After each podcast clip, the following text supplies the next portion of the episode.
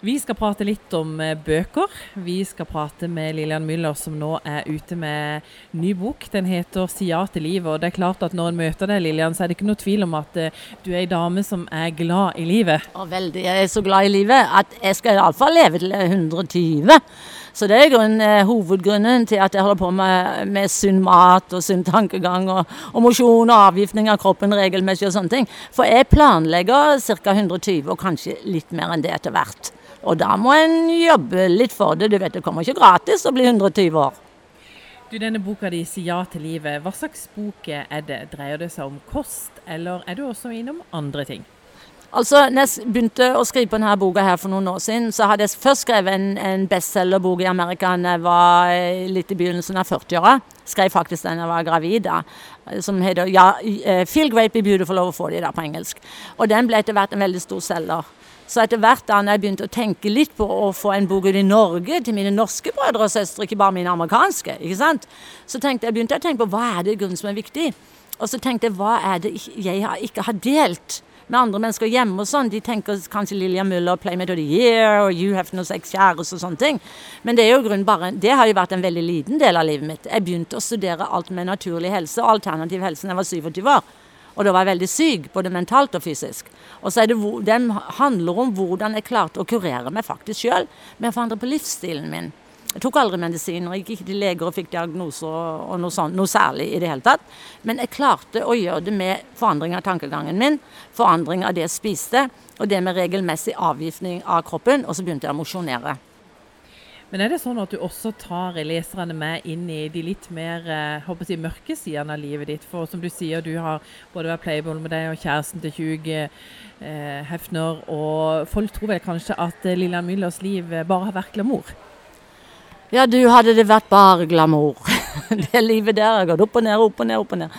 Uh, nei, jeg skriver om nedturer, og jeg skriver om oppturer, selvfølgelig. For livet er jo for oss alle mennesker både opp og ned. Det er jo ikke noe sånn jevnt, uh, jevn vei hele tida. Men jeg skriver, fokuserer meg mye på hvordan jeg kommer ut av det i de vanskelige situasjonene. Hva er løsningen? Hvordan klarer jeg å komme ut? Og jeg ble faktisk, jeg lærte faktisk temmelig ung å bli min egen beste venn. At jeg måtte ikke alltid gå til andre mennesker og spørre om råd og fikse ditt og datt i livet mitt. Etter hvert så lærte jeg faktisk det å si Lillian, ja, åssen skal vi løse dette problemet her? Og jeg begynte å gå lange turer. Jeg begynte å lese spirituelle bøker. Sånne bøker, sånne motivasjonsbøker, faktisk. Gikk mye i naturen, ba mye til Gud, som sagt. Og det å mosjonere og svette fant jeg ut også hjalp veldig på sinnene. Jeg hadde mørkt sinn og var nedfor og deprimert. Hvordan skulle jeg begynne å føle meg vel igjen og bli mer optimistisk. Og mosjon er også litt under, under Er det hederfunnet på norsk? Undervurdert. Så det var faktisk den livsstilen da som hjalp meg så kolossalt. Og innen et år etter jeg begynte å legge om livet mitt, eh, så hadde jeg fått orden på sakene. Og det der til ja til livet, altså, det er noe som har fulgt med meg i alle de åra. Og det er det vi må mestre, det alle sammen. Vi må stå på morgenen så vi ser oss sjøl i speilen, gi oss sjøl et stort spil. Og sier f.eks. til meg, da, personlig, så sier jeg Lillian, si ja til livet. Om ikke du fikk det til i går og i forgårs og forrige måned og neste år, you fucked up, som det heter på engelsk, ikke sant? Fucked it up real bad. Så kan du begynne om igjen i dag. Det er blanke ark. Det er sant hva som skjedde i går, ikke tenk på det. Så begynn å bruke de, eh, den teknikken du har fått i ditt liv. Og så legger du opp sånn at denne dagen i dag kan bli fantastisk. Hvem vet hva du kan få til da? Og så pass på ikke bare leve for deg sjøl i dag. Lev også litt for andre mennesker rundt deg. Gi dem komplimenter. Pass på at du gjør noe godt når du er ute i livet i dag. Og få andre mennesker til å føle seg litt mer viktig, at de er litt mer eh, betydningsfulle. Kanskje du gir dem et råd, et mentalt råd eller et fysisk råd eller noe sånt. Og bare det er nok til at når du legger deg om kvelden, når du spør deg sjøl, når du lukker de små øyelokkene dine og spør deg sjøl ja, Lillian, hva har du fått til i dag? Har du gjort noe som er betydningsfullt? Så kan du iallfall si til deg sjøl jo, jeg ga den gamle dama en kompliment. Eller den gamle mannen.